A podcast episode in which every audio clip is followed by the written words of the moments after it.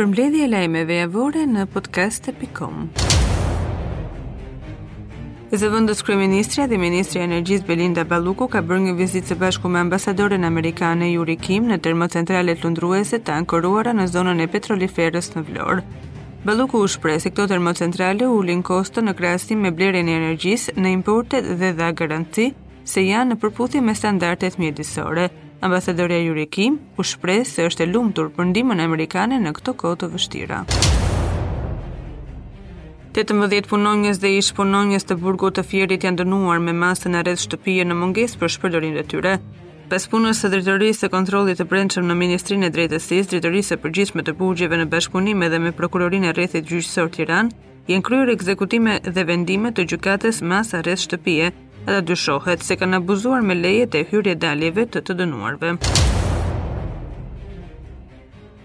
Kryesia e Partisë Demokratike ka miratuar ngritjen e një grupi auditi për financimet ruse. Burimet nga kryesia bëjnë me dije se grupi i auditit do kalojë në skaner veprimet e ish-kreut të Partisë Demokratike Lulzim Basha lidhur me akuzat për marrjen e parave ruse gjatë fushatës së vitit 2017. Mësohet se grupin e auditit që do hetojë Bashën do e drejtojë Ledina Mandia, ndërkohë anëtarë të komisionit do të jenë Florjon Mima, Edmond Spaho, Aldo Bumçi dhe Eno Bozdo. Nxënësit e shkollës private Mehmet Akif Ersoj kanë dalë sërish në protestë për të kundërshtuar vendimin e qeverisë që vendosi mbylljen e këtij institucioni arsimor me arsyetimin se ka identifikuar një sërë shkeljesh në legjislacionin në fuqi. Nxënësit kanë marshuar drejt kryeministrisë për të kërkuar shfuqizimin e vendimit për mbylljen e shkollës.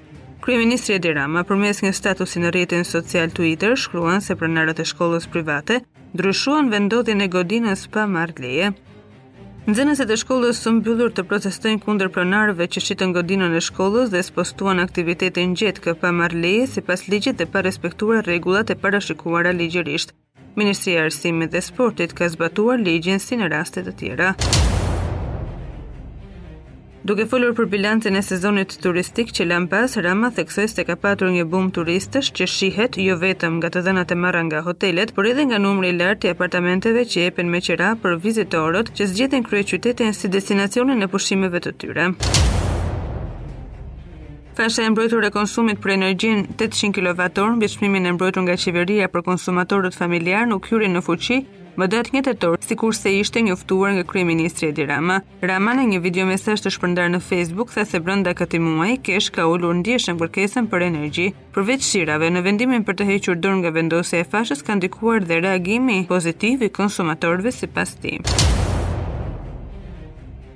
Shqipëria nënshkroi një kontratë të shërbimit satelitor në fushën e mbrojtjes dhe sigurisë. Ministri i Mbrojtjes Niko Peleshi bëri me dije se kontrata ka vlerën 6 milion dollarë dhe konsiston në përdorimin ekskluziv të dy satelitëve, Albania One dhe Albania Two, fillimisht për periudhën 3 vjeçare për monitorimin e territorit të Shqipërisë. Ai sqaroi se satelitët do të ndihmojnë në përpunimin e informacionit gjeohapësinor si dhe ofrimin e produkteve të imazherisë. Satelitët do të ndihmojnë në shumë fusha si policinë e shtetit, apo Ministrinë e Bujqësisë. Një ngjarje e cila mund të kishte përfunduar tragjike është parandaluar në Tepelenë, ku një 17 vjeçar pas konfliktit me bashkëmoshatarët ka marrë armën dhe është rikthyer sërisht po tek i njëjti vend.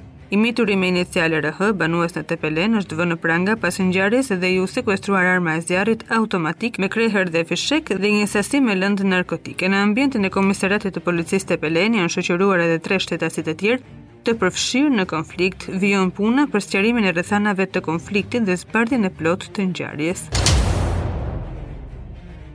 Është zhvilluar publikisht konkursi ndërkombëtar mes pesë studiove prestigjioze të arkitekturës për një ndërtim të ri ambicioz të Tiranës, i cili do të forcojë më tej profilin e metropolit rajonal të së ardhmes për kryeqytetin. CEBRA u shpall projekti fitues për qendrën shumëfunksionale në Tiranë, ndërsa kryetari i Bashkisë së Tiranës, Erion Veliaj, tha se qendra e re do të kompletojë kurorën rreth sheshit Skënderbej. Do të ketë disa hapësira, jo vetëm për zyra, por edhe për rezidencë, hoteleri dhe argëtim, e cila do të kompletojë kurorën rreth sheshit Skënderbej, ashtu siç ka qenë plani francez origjinal në përputhje me kërkesat gjithmonë në rritje të një qyteti, që këtë vit është kryeqyteti europian i rinisë dhe vitin tjetër, me shpresë do të jetë kryeqyteti europian i sportit, tha Veliaj. Ish-kryeministri Sali Berisha gjatë diskutimit me dyer të mbyllura në mbledhjen e Këshillit të Partisë Demokratike ka thënë se mbështet protestën e sindikatës së universiteteve më 5 tetor. Data 5 është caktuar nga Sindikata e Universiteteve si ditë proteste, të gjitha degët do të dërgojnë mundësisht çdo student. Në orën 10 tek Universiteti Politeknik duhet të jetë angazhimi i madh i UNI në solidaritet me pedagogët. Mbështetja jonë është e rëndësishme, është protestë e sindikatave. Ne do të bëjmë gjithçka që këtë rifillim beteje me sindikatat ta shndërrojmë në histori suksesi, Duhet të bëjmë gjithçka për suksesin e protestave më 5 tetor, ka thënë Berisha. Ndoqët përmbledhjen e lajmeve javore në podcast.com.